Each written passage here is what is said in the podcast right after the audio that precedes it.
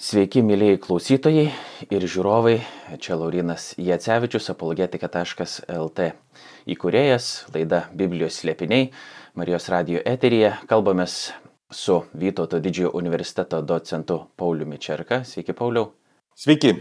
Ir pradedam naują šitos laidos sezoną. Praėjusį kartą kalbėjome apie e, patarlių knygą. Paulius pradėjo su kitais draugais, ne su manimi. Po to galiausiai mes tą patarlių knygą pabaigėm kartu, o mąstydami vasarą, ko čia dabar dėrėtų griebtis, nusprendėm, kad vis dėlto prasmingiausia būtų eiti prie e, mokytojo knygos. Paulius galės paaiškinti, kodėl mes taip nusprendėm ir e, bandysim, kaip ir įprasta, skaityti daug maž po vieną skyrių. Su mokytojo knyga mums gali iki galo taip ir nepasisekti, bet e, bandysim galbūt ir šiek tiek mažiau. Pirmosios laidos metu kalbėsimės apie pačią mokytojo knygą, kodėl toks pavadinimas, nes tų pavadinimų yra ir kitokių, kažkiek ir paskaitysim, taip pat aptarnėsim tą esminį žodį, kuris lietuviškai dažnai yra verčiamas kaip e, meikla, hebrajiškai hevel ir dar daug kitų uh, įdomių dalykų. E, džiaugiamės, kad esate kartu su mumis, kad prisijungėte ir bandysim gauti kažkiek išminties iš Dievo žodžio. Iš tikrųjų pamatysit, kad mokytojo knyga atrodytų uh, iš pirmo žvilgsnio, galbūt pirmą kartą perskaičiusiam, ką jinai veikia apskritai šventajame rašte. Ten tokių idėjų yra e, įdomių, kaip e, filosofas ir teologas Williamas Leinas Kreigas sako, atrodytų, kad čia labiau panašu į kažkokią egzistencialistinę literatūrą negu, iki, negu į biblinę knygą, bet iš tiesų pamatysit, kad ten yra labai labai daug įdomių dalykų ir vis dėlto e, galbūt pavyks ir suprasti, kodėl jinai yra Biblijoje. Tad, Pauliu, pirmiausia, pradedam galbūt nuo paties pavadinimo. Mokytojo knyga taip pat žinoma Ekleziasto arba Koheleto. Ir e, skirtingose Biblijos vertimuose yra e, taikomi skirtingi pavadinimai ir kartais žmonės net pasimeta, kodėl, apie kokią čia knygą dabar kalbama. Ar Koheleto, Ekleziasto ir mokytojo yra ta pati, ar čia yra skirtingos knygos, tai kodėl tie trys skirtingi pavadinimai ir ką jie reiškia.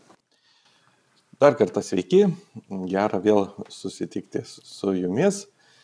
Ir jeigu kalbant apie pavadinimą, iš ties mes turim galvosakį, kaip reikėtų į lietuvių kalbą knygos pavadinimą versti, ar daryti kažkokią transliteraciją, ar ją sulietuvinti. Gero, na, kiekviena strategija, pavadinkime, taip turi pliusus ir minususus ir tokios tikrai absoliučiai pranašesnės strategijos nėra. Knyga hebrajiškai būtų jeigu iš hebrajų kalbos, tai kiltų ta žodis koheleto knyga. Nuo e, žodžio, kurį verčiant mes vadintume į pamokslininkų, mokytojų, na, arba tiksliau tariant tuo, kuris kreipiasi į viešą tautos susirinkimą, tas, kuris jam vadovauja ir turi kažkas pasakyti. Na, lietuvių kalboje mes neturime tokio tikro atitikmens, nei mokytas, nei pamokslininkas, nei filosofas, kas yra įvairūs bandymai jį vienaip ar kitaip versti, vienu žodžiu, be papildomų paaiškinimo nepavyksta. Taigi, vieni vertėjai pasirenka strategiją, na, grinai lietuviško žodžio, taigi mes turime mokytojo, sakykime, versiją, kiti e, nusprendžia neversti, pasilieka transliteracija, koheletas iš hebrajų kalbos arba ekleziastas iš latiniškos vulgatos. Taip pat atėjo šitas žodis iš, e, į vulgatą iš, iš graikiško žodžio. Nu, mes žinome ekleziją, ar ne, tas susirinkimas, tai yra būtent čia tas pats žodis, tiesiog jis kalba apie tą asmenį, kuris vadovauja šitam susirinkimui ir turi kažką prasmingo jam pasakyti. Na, idėja yra tokia, kad tai yra knyga, kuri kalbasi su visais. Na, reiškia, kaip susirinkime dalyvauja visi žmonės, vis, visa tauta renkasi, taip ir knyga kreipiasi visus ir iš tikrųjų knygos na, vyruojantis tonas yra proto balsas. Tai, ką gali visi matyti, tai, ką gali visi suvokti. Na, tai tuo būdu iš tikrųjų ir knygos pavadinimas yra toks, kad kreipiamasi į visus žmonės. Reiškia, galima kalbėtis apie gyvenimo reikalus, gyvenimo prasme ir tikslus su visais žmonėmis iš to, iš tos patirties, kurią mes turime. Galim dar šiek tiek tikriausiai pakalbėti ir apie autorystę, kadangi pačioj pirmoji lūtėje yra toks įrašas - mokytojo Davido sūnaus Jeruzalės karaliaus žodžiai.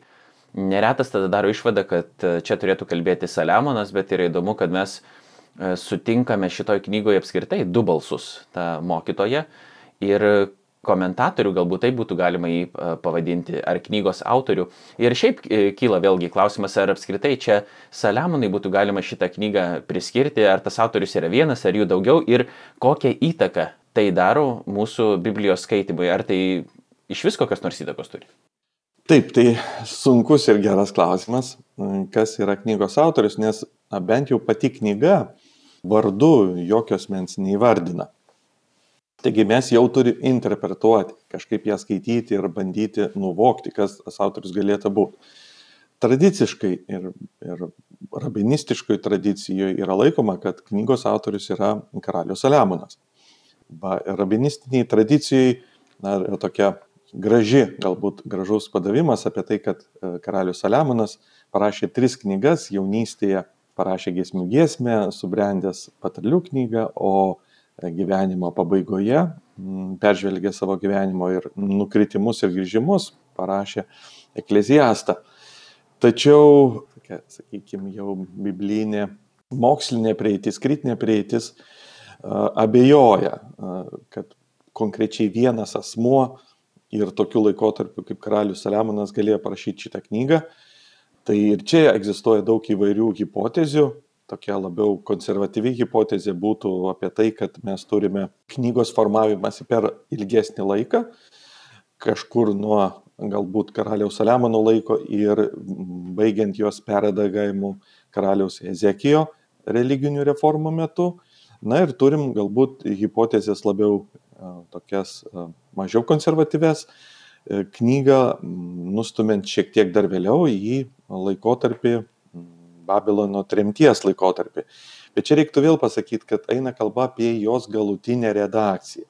Reiškia, kada jinai pilnai susiformuoja. Iš principo, tokia knyga kaip Ekleziastas, akivaizdu, kad ji turi na, pereiti tam tikros formavimos etapus, jinai buvo kažkiek redaguota, kažkiek pildyta. Dabar kaip masto mokslininkai, arba teksto kritikai, jie bando pastebėti tam tikrus įsiriškimus, žodžius, kurie nebūdingi hebrajų kalbai, tai yra aramizmus ar kitus intarpus, kultūrinį kontekstą ir pagal tai datuoti uh, knygą. Kadangi knygoje sutinkame aramizmų, tai yra kalba, kuri paplito e, jau Babilono imperijos klėstėjimo metu, tai būtų argumentas, kodėlgi ir knygos datavimas yra toks, uh, sakykime, šiek tiek vėlyvesnis. Iš kitos pusės mokslininkai pastebi, kad knygoje yra sutinkama hebrajų kalbai giminingų, bet kitų, tai yra fenikiečių, kananiečių kalbos intarpų. Ir tai liūdytų, kad jinai yra pakankamai ankstyva. Tai, yra, tai būtų požymis, kad tai atitinka laikotarpį, kai karalius Saliamono valdymas būtent buvo išplėstas į tas teritorijas. Taigi hipotezės turi ir vienos, ir kitos, sakykime, argumentų už ir prieš. Iki galo mes tikrai na, negalime žinoti ir manau, kad laikui bėgant galbūt mūsų žinios sustiprės. Kas aišku, iš pačios knygos, vad kaip Laurinai ir pasakėjai, egzistuoja du balsai, egzistuoja, pavadinkime, galutinis autorius ar galutinis redaktorius, tas, kuris knygą pradeda, vėliau jis perdoda balsą mokytojui, 12 beveik skyrių kalba mokytojas ir mūsų galutinis redaktorius grįžta prie savo išvadų. Ir čia galima pastebėti, kad jų stiliai šiek tiek skiriasi. Tas, kas pradeda ir baigia knygą, na, jisai kalba apreiškimo įkvėptas, tarytum tikėjimo balsu, o tas, kas svarsto apie gyvenimo, žemiško gyvenimo a, tikslingumą arba betikslingumą, kalba labiau proto balsu.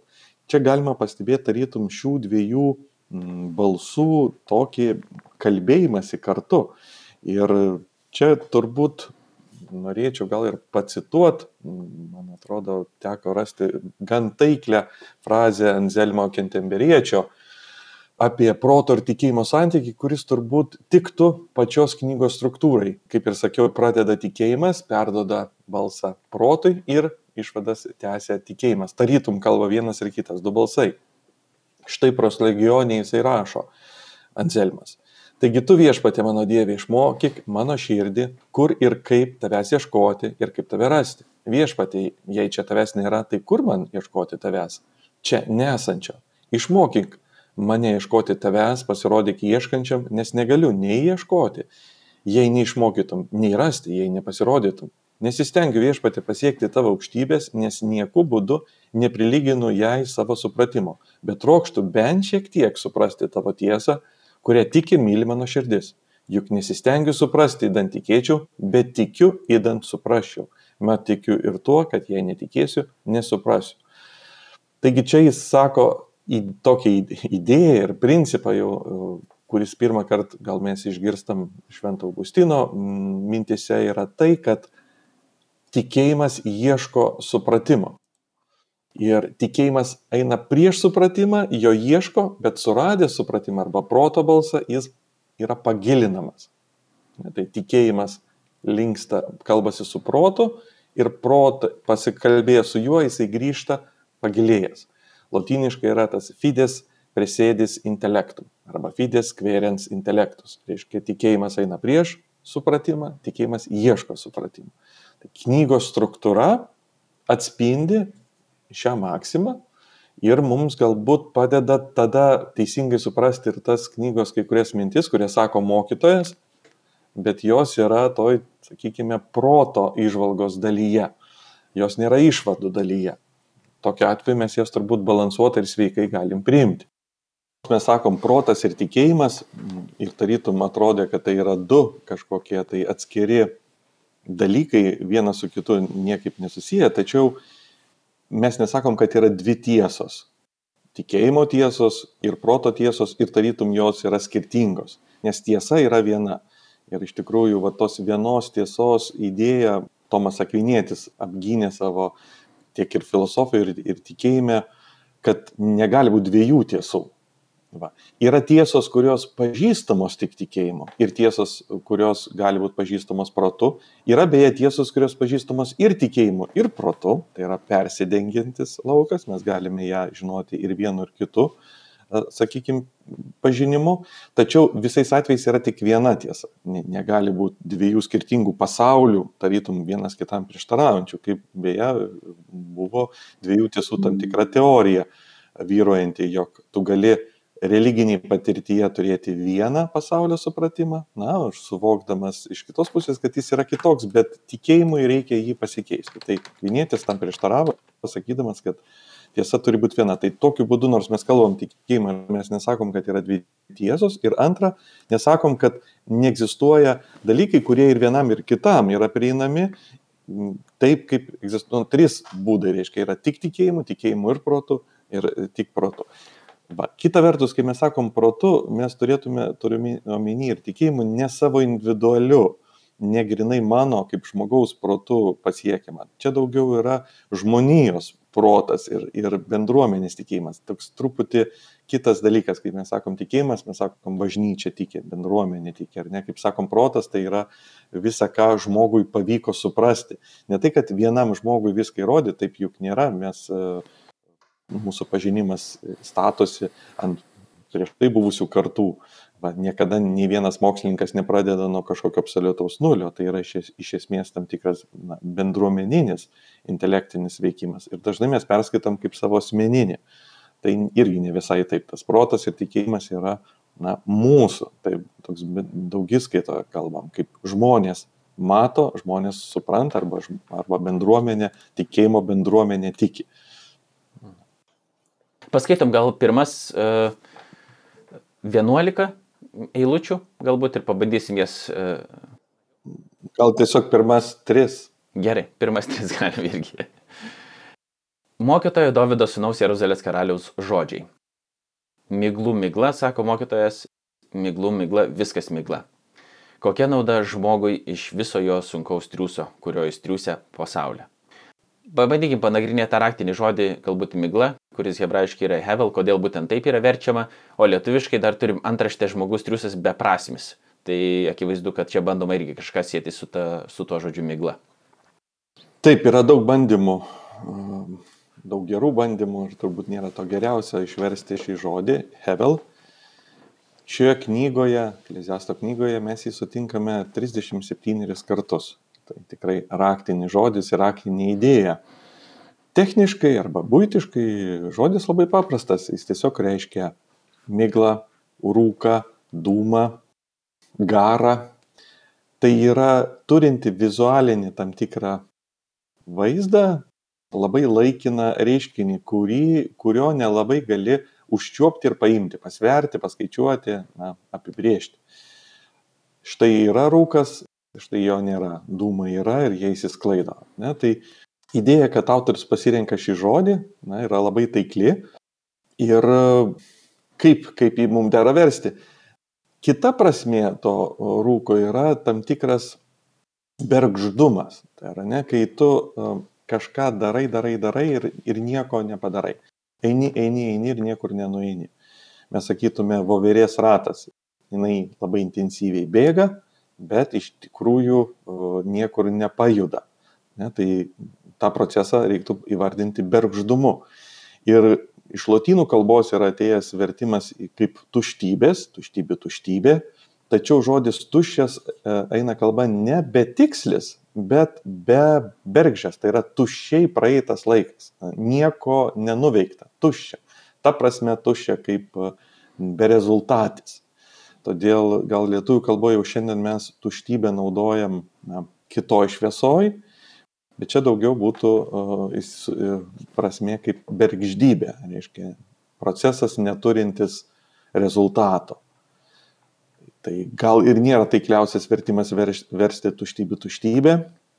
Kiti modernesni vertimai siūlo žodį absurdas net versti čia, kadangi jeigu panagrinėtume, kas yra absurdas, tai ir yra situacija, kai tu patenki į aplinką, kurioje nėra tvarkos kurioje tavo vieni veiksmai duoda visiškai netikėtus rezultatus. Na, panašiai kaip būna vos nesapne, na, tokia sistema, kai, kai, kai kada mes pasielgiam, bet gaunasi visiškai neproporcingas arba netikėtas rezultatas. Tai, tai ir yra absurdiškumas, jog žmogus bandydamas gyvenimą suvaldyti, kažką padaryti, staiga patenka į situaciją kaip visiškai ne taip, kaip turėtų logiškai būti. Tai tiek dėl to žodžio ir, ir ta, ta, ta koncepcija yra mus nuolat lydės, jis bandys autorius ją paaiškinti, ką jis na, turi omeny, kokiu būdu gyvenimas yra tas tuščias, kokiu būdu mes jo visiškai nevaldome. Akcentas bus atsitiktinumui, nenumatomumui, nesuvaldomumui. Tai yra dalykai, kurie, na, kuriuos, jeigu mes dar naiviai galvojam, kad galime susiplanuoti, suvaldyti, patys būti savo laimės, taip kalviais pavadinkime, taip pasiekti kažkokią tai sėkmę ir ją valdyti, tai ši knyga mus atvesins. Jis prablaivins ir parodys, kad iš tikrųjų mes nevaldome esminio gyvenimo proceso, net nevaldom smulkmenų, o smulkmenos gali mūsų gyvenimą tekoti milžiniškai. Ir uh, mirtis, atsitiktinumai, ateitis, visi tie dalykai yra mums nepavaldus. O jų yra tiek daug, kad iš tikrųjų jie ir yra tie, kas mūsų gyvenimą padaro panašų į rūką. Reiškia, mes nieko negalime apie jį nuprognozuoti, suvaldyti, pasinaudoti jo kažkaip, o tiesiog esam va, tokioje aplinkoje. Tokia yra knygos idėja, jinai tikrai nesako, kad mūsų gyvenimas yra beprasmis, bet jis sako, kad jis yra nevaldomas. Bet tam, kad mes tai suprastume, mums reikės dar pažiūrėti stiprokai pačią knygos struktūrą ir kodėl mums taip reikėtų galvoti. Kadangi, sakykime, Tūlas krikščionis, žmogus, kuris tiki Dievu, e, yra įsitikinęs Dievo žodžio tiesa, jis pasiima mokytojo knygą ir pradeda skaityti. Perskaito tris eilutes, sakykime, tą antrą ir trečią konkrečiai miglų migla, sako mokytas, miglų migla, viskas migla. Kokia nauda žmogui iš viso jo sunkaus triuso, kurio jis triusia pasaulyje. Sėdi tas žmogus daugiau, galbūt nebeturi laiko tą dieną skaityti, galvoja, Dievo žodis yra tiesa. Ir čia turi būti parašyta tiesa tada šitos eilutės. Iš tiesų, ką, ką man triūsti? Ką man, var, man Dievo žodis sako nebedirbti. Ir viskas, viskas yra migla, viskas yra nesąmonė. Aišku, e, čia jau yra tokia problema trumpo eilučių skaitimo, kitas dalykas pačios Biblijos suvokimo, ne kaip jinai veikia. Ir dar duosiu vieną pavyzdį, paprašysiu tada sureaguoti. Vakar man teko matyti Facebook'e irgi, kad vienas žmogus pasidalino labai daug skirtingų psalmių eilučių. Man atrodo, kad ir psalmių. Tiesiog išrinko labiausiai patikusias eilutes ir sudėjo ten 20 labiausiai padrasinučių eilučių. Ir aš taip svarstau, galvoju, gerai, fainos eilutės, jos kaip ir padrasina, bet ar iš tikrųjų mes taip galim daryti? Ar Biblija ir krikščionim šventasis raštas, ar jisai pasiduoda va tokiam knybinėjimui ir, eilučių išrankiojimui, susidėliojimui, va taip, nu, iš skirtingų vietų, ar ne vis dėlto knyga turi tam tikrą struktūrą, jinai kažką sako, yra kažkokia pradžia, yra pabaiga. E, ir ar mes galim tiesiog išsiimti, susidėlioti, sakyti, o, neblogai, va šitos man tinka, bet pavyzdžiui, miglų migla, jinai nėra labai įkvepianti eilutė. Dėl to aš ant Facebook'o sienos jos negaliu savo įsiklijuoti. Man reikia labiau įkvepiančios. Jo, iš, aišku, pavojinga yra sudėti mm. ištrauktas iš konteksto eilutės. Kita vertus, mes kalbam sakiniais ir kai kada iš tikrųjų labai taiklu yra pacituoti tam tikrą eilutę, su sąlyga, kad tiek aš ir tiek mano klausytojas uh, žino, apie ką yra, sakykime, kalba, kad jis tą eilutę žino jos kontekste. Tai tada, tada viskas tvarkoja. Iš tikrųjų, pastebėkim, kad ekleziasto antroji eilutė nėra pasakyta viskas yra tuštybė, tuštybė arba miglų migla. Ten pasakyta, mokytojas sako, viskas yra miglų migla. Tai yra labai svarbus elementas. Mes jau minėjom, kad iš tikrųjų čia kalba proto balsas, na, saliginai, jog jis mato, stebėdamas gyvenime, kad jame nėra tvarkos. Jis nesako, kad iš vis nėra tvarkos, jis tik sako, kad stebint žemišką gyvenimą jos nesimato. Jei ji yra, tai aš jos nematau. Čia svarbus yra niuansas, kad Biblijoje nėra parašyta viskas, miglų migla, Biblijoje parašyta mokytojas sako. Ir kai mes su juo kalbamės, jis mums turi pasakyti svarbių dalykų, kuriuos, kuriuos apmašius tikėjimu mes pagilinam savo tikėjimą. Tam tikrą prasme mes nusiveliam žemiškų gyvenimų, kad pradėtume labiau viltis vidinio, dangiškų gyvenimų. Ir čia pasakyčiau turbūt irgi vieną iš nu, padedančio atrakinti Ekleziasto knygos knygą Eilučių iš kalno pamokslo, e, kurį kalba šeštam skyriui mūsų viešpats nuo 19 eilutės. Nesikraukite lobių žemėje, kur kandis ir rūdis ėda, kur vagis įsilaužia ir vagia, verčiau kraukitės lobių danguje, kur nei kandis, nei rūdis neėda, kur vagis neįsilaužia ir nevagia. Nes kur tavo lobis, ten tavo širdis. Iš esmės jis palygina, kad krovimasis lobių žemė yra labai labai rizikingas, labai daug e, procesų yra. Yra rūdis, kandis, yra infliacija, yra vagis. Na, yra dalykai, kurių tu negali visų numatyti ir suvaldyti. Kita vertus, jis sako, kad yra krovimas lobių danguje, kuomet tarytum viskas labai saugu. Kiek dėsi, tiek sukaupsi. Ir štai kuo skiriasi, pavyzdžiui, patarlių knyga ir ekleziasto knyga. Patarlių knygoje mes skaitėm tarytum apie tą tvarką, kuri perskrodžia visą visatą, kur viskas tvarkinga, kur tu gali savo gyvenimą tarytum uh, sutvarkyti pagal tą tvarką, kuri vadinasi išmintis. O ekleziasto idėja yra tokia, kad viskas yra chaotiška, niekas nesuvaldoma. Kaip suderintas idėjas?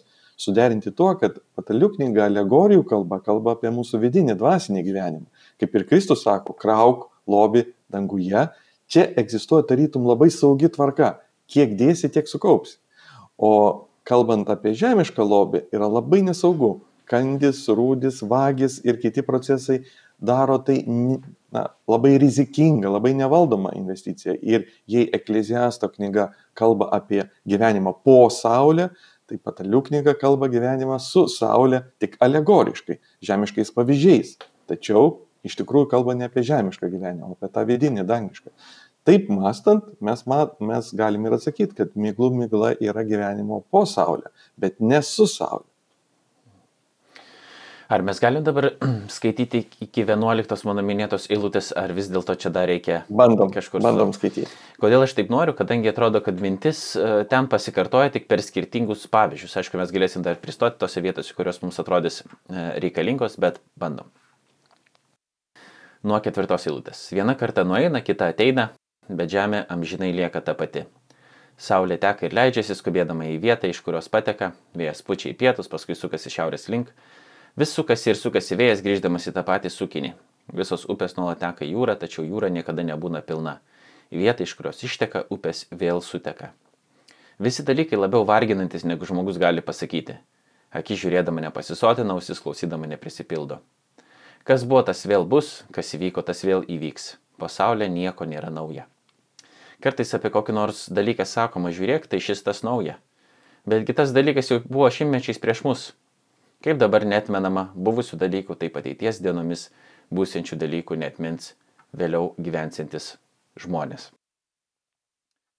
pagrindinė mintis tokia, ne, kad e, sukasi, atrodytų, tas laiko ratas, visi dalykai vyksta nuolat, e, bet iš tiesų nieko nėra nauja, viskas, kas dabar yra, tai jau buvo seniau. Kai kurie, pavyzdžiui, sako, kad naujos teologinės idėjos dažniausiai yra senos erezijos. Ir čia yra kažkokia tokia panašiai atrodytų mintis. Mokytojui taip atrodo, ar ne? Viskas tik sukasi, vyksta, bet iš esmės nieko uh, nėra nauja ir tarsi tas ta žiūrkė ar pelė ratelyje bėga, bet kas iš viso to? Na, iš to ir yra tai, kad mes turim šiek tiek santūriau vertinti savo judėjimą. Dažnai individualaus žmogaus gyvenimas atrodo labai intensyviai judantis, ar ne, jis yra ir yra ta upė, kuri, kuri teka, arba ta saulė, kuri pateka ir nusileidžia. Bet jeigu mes pažiūrėtume šiek tiek, atitolytume objektyvą toliau, mes pamatytume, kad tokie gyvenimai kartojasi. Mums jie yra unikalūs, mes turim jaunystę, brandą, senatvę, bet iš esmės tai yra nuolat vyksta, vykstantis dalykai ir iš tikrųjų labai yra panašus. Ir jeigu žmogiškas, būtent žmogiškas gyvenimas nebūtų panašus, mes nebegalėtume skaityti literatūros parašytos prieš šimtą metų arba prieš tūkstančius metų, o šį kartą mes puikiausiai skaitom, suvokiam tą pačią dramą, išgyvenam tas pačias įtampas, nes žmogiška egzistencija yra ta pati. E, technologijos skiriasi iš ties e, labai stipriai ir dabar labai intensyviai. E, tai mus tarytum atskiria nuo praeitų kartų, tačiau ir jos turėjo savas technologijas, kurios jas atskyrė nuo prieš tai buvusių kartų. Ir vat tas supratimas, kad žmogiško gyvenimo iššūkiai yra tapatus. Štai kodėl mums vis dar aktualu skaityti Aristotelį ir Platoną, štai kodėl kalno pamokslas jis mus vis dar mm, liečia ir atrodo yra parašytas vakar, o net gal ir šiandien. Tarytum nesenstantis dalykai. Kodėl jie nesensta? Nes mes vis dar gyvenam tokį pat gyvenimą, kurį gyveno žmonės prieš tūkstančius metų. Jeigu taip nebūtų, na, mums būtų nei, neįdomios tos nei knygos, nei mintis, o dabar taip juk nėra.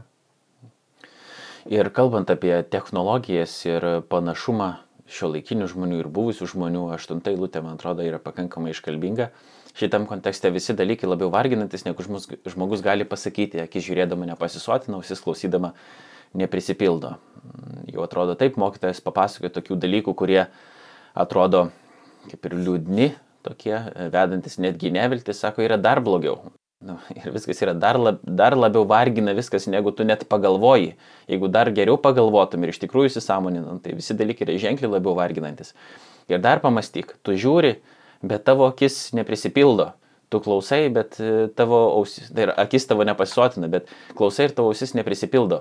Ir e, aš mastau apie socialinės medijas ir tą žiūrėjimą nuolatinį į ekraną. E, iš tiesų, kiek mes laiko praleidžiam žiūrėdami į ekraną, galvodami, kad kaž, kaž, kažkaip pasipildysim iš to, tarsi tai yra kažką duodantis mums dalykas labai daug nu, gal kažką duoda, kažką sužinom, kažką išmokstam, galbūt netyčia pamatom kokį nors įdomų filmuką, kaip per 3 minutės su citrinų sultimis ten reikia įsivalyti orkaitę ar dar kažką ir po to galbūt ją išsivalom.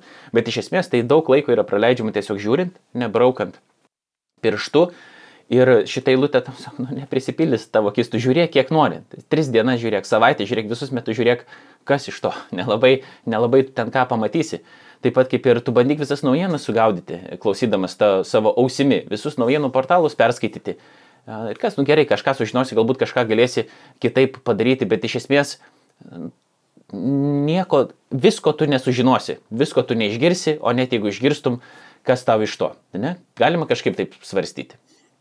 Vienareikšmiškai čia yra knygos tam tikra prasme ta transliuojama mm, idėja, jog mums būtina dirbti su savo apetitais ir juos galbūt e, šiek tiek čia, žaboti arba e, padaryti santūresniais, negu bandyti juos pasotinti pilnai. Nes pasotinimo kelias nenuveda. Kuo tu daugiau savo įstras maitini, tuo iš principo jos labiau užauga ir dar labiau nori valgyti.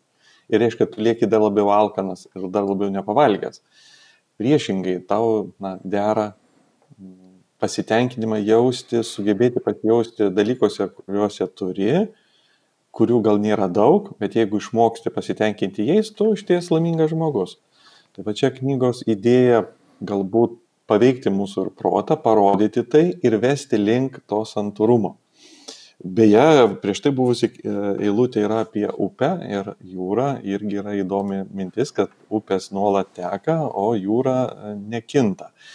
Ir čia panašu, kad yra tam tikras pokalbis su graikų mąstytojais, e, kuomet buvo klausimas, kas yra tikra. Ar, vis, ar pokytis tikras, ar kaip tik tikra yra tai, kas nekinta. Čia Herakleitas ir Parmenidas tarytum stovi pasiūlydami savo tikrovės versijas. Vienas kalbėjo apie tai, kad viso ko pagrindas yra pokytis. Ir mes ir šiandien naudojam būtiniai kalboje negali lipti į upę du kartus. Taip, tai yra jo filosofijos mintis, Kitas, Parmenidas kalbėjo apie, apie tai, kad tikra yra tai, kas negali kisti. Reiškia, o, o kitimas yra tik tai, na, il, il, iš esmės iliuzija. Tarytum buvo tas dvi mokyklos, jos viena su kita diskutavo ir galbūt vat, Platonas su Aristoteliu pasiekė tam tikrą neblogą balansą vėliau. Bet čia ekleziastas tarytum liečia tą temą. Upė, kuri nuolat teka, tai yra žmogaus gyvenimas ir yra kaip ir mirtis, jinai pastovi. Ir jeigu žiūrim į žmonių gyvenimus, tai matom, kad jie nuolat juda, bet iš esmės, e, na, mirtis deda tašką ir jinai niekad nepasi, ne, nepasibaigia. Įdomu, kad ekleziastui tampa įdomi ne pati tikrovė kaip daiktai ir, ir kiti dalykai, bet žmogaus gyvenimas kaip objektas. Ir čia jis pastebi ir pokytį, upė, jisai nuolat juda, jisai ne, nebūna toks pat, ir kita vertus, pabaiga, kuri visada tokia pati, nu, jis pasibaigė. Tai įdomu, kad ekleziastas tikri, nu, žiūri ne į, kaip graikų mąstytojai, į aplinką, kas yra tikra, bet į pačią žmogišką egzistenciją, kas joje yra tikra. Toks labai na, praktinis dalykas į, į, į žmogaus gyvenimą. Tai jis kinta, ar jis yra visada toks pat. Nu, vis tarytum pasako abu dalykus. Mane visą laiką ir juokino, viena prasme ir žavėjo ta Parmenino idėja, kuris sako, kad e, būtis yra, o nieko nėra. Ir pamastyti apie tai kažkiek giliau, bet e, apie ką čia ką tik ir kalbėjot. Gerai. Ar mes dar bandom kelias eilutes šitos skyriaus paskutinės aptarti, turim kelias minutės dar, ar, ar paliekam tai kitam laikui ir dar tiesiog e, užbaigiam tai, apie ką kalbėjom? Sunku pasakyti, bet apie absurdą aš dar uh, norėčiau pratesti uh, mintį. Iš tikrųjų, um, ankstyvosios krikščionybės vienas iš teologų, Tertulionas, yra pasakęs tokią, tokią teiginį, tikiu, nes tai absurdiška. Aišku, tai uh, nėra jis uh, visuotinai priimtina tikėjimo išraiška, bet jis jie, jį pasakė, pasakyčiau, visai gal geru uh, kontekste, sakydamas ne ta prasme, kad aš noriu tikėti irracionaliais dalykais, bet vat, kaip ir pats minėjai, kad Dievo mirtis yra antiek neįtikėtina, kad ji niekada aš nedrįščiau taip susimodeliuoti pasaulio, kad, kad Dievas tapo žmogumi ir mirė gėdinga mirtimi. O jeigu tai buvo, tai dar labiau sustiprina mano tikėjimą, nes jeigu man tektų sukurti tikėjimą, tai tikrai nekurčiau jo tokio vienintelis būdas um, tokiai tiesai būti yra iš tikrųjų, kad tai iš tikrųjų buvo. Nes jeigu kažkas bandytų na, sumodeliuoti, sufalsifikuoti, tai tikrai nebandytų tokios neįtikėtinos versijos propaguoti. Reiškia, jos neįtikėtinumas ir įrodo dar kartą jos uh, tikrumą. Tai yra dar vienas iš tokių argumentų ankstyvai krikščionybei, ankstyvajam krikščionių sąjūdžiui, Jis sako, vad sugalvojo, čia grupelė susėdo, tų vadinamųjų apaštalų, sugalvojo istoriją, pavogė Jėzaus kūną, pradėjo čia skelbti dabar visiems ir, ir, ir taip e, visą pasaulį e, užplūdo tos jų keistos idėjos ir dabar turim, ką turim ir tenka vargti visiems su ta keista krikščionybė. Bet iš tikrųjų, jeigu pagalvoji, bent kažkiek rimčiau, kokia jiems nauda buvo tokius dalykus sugalvoti, ką jie sugalvojo skelbti e, žydų Mesijo mirtį ant kryžiaus, po to kūnišką jo prisikėlimo, kur ne vienam žydui į galvą netėjo, kad taip turėtų dabar atsitikti, tas prisikėlimas laikų pabaigoje turėtų vykti. Kitas dalykas, praktiškai visi statė savo gyvybę į pavojų ir kai kurie ir buvo nukankinti.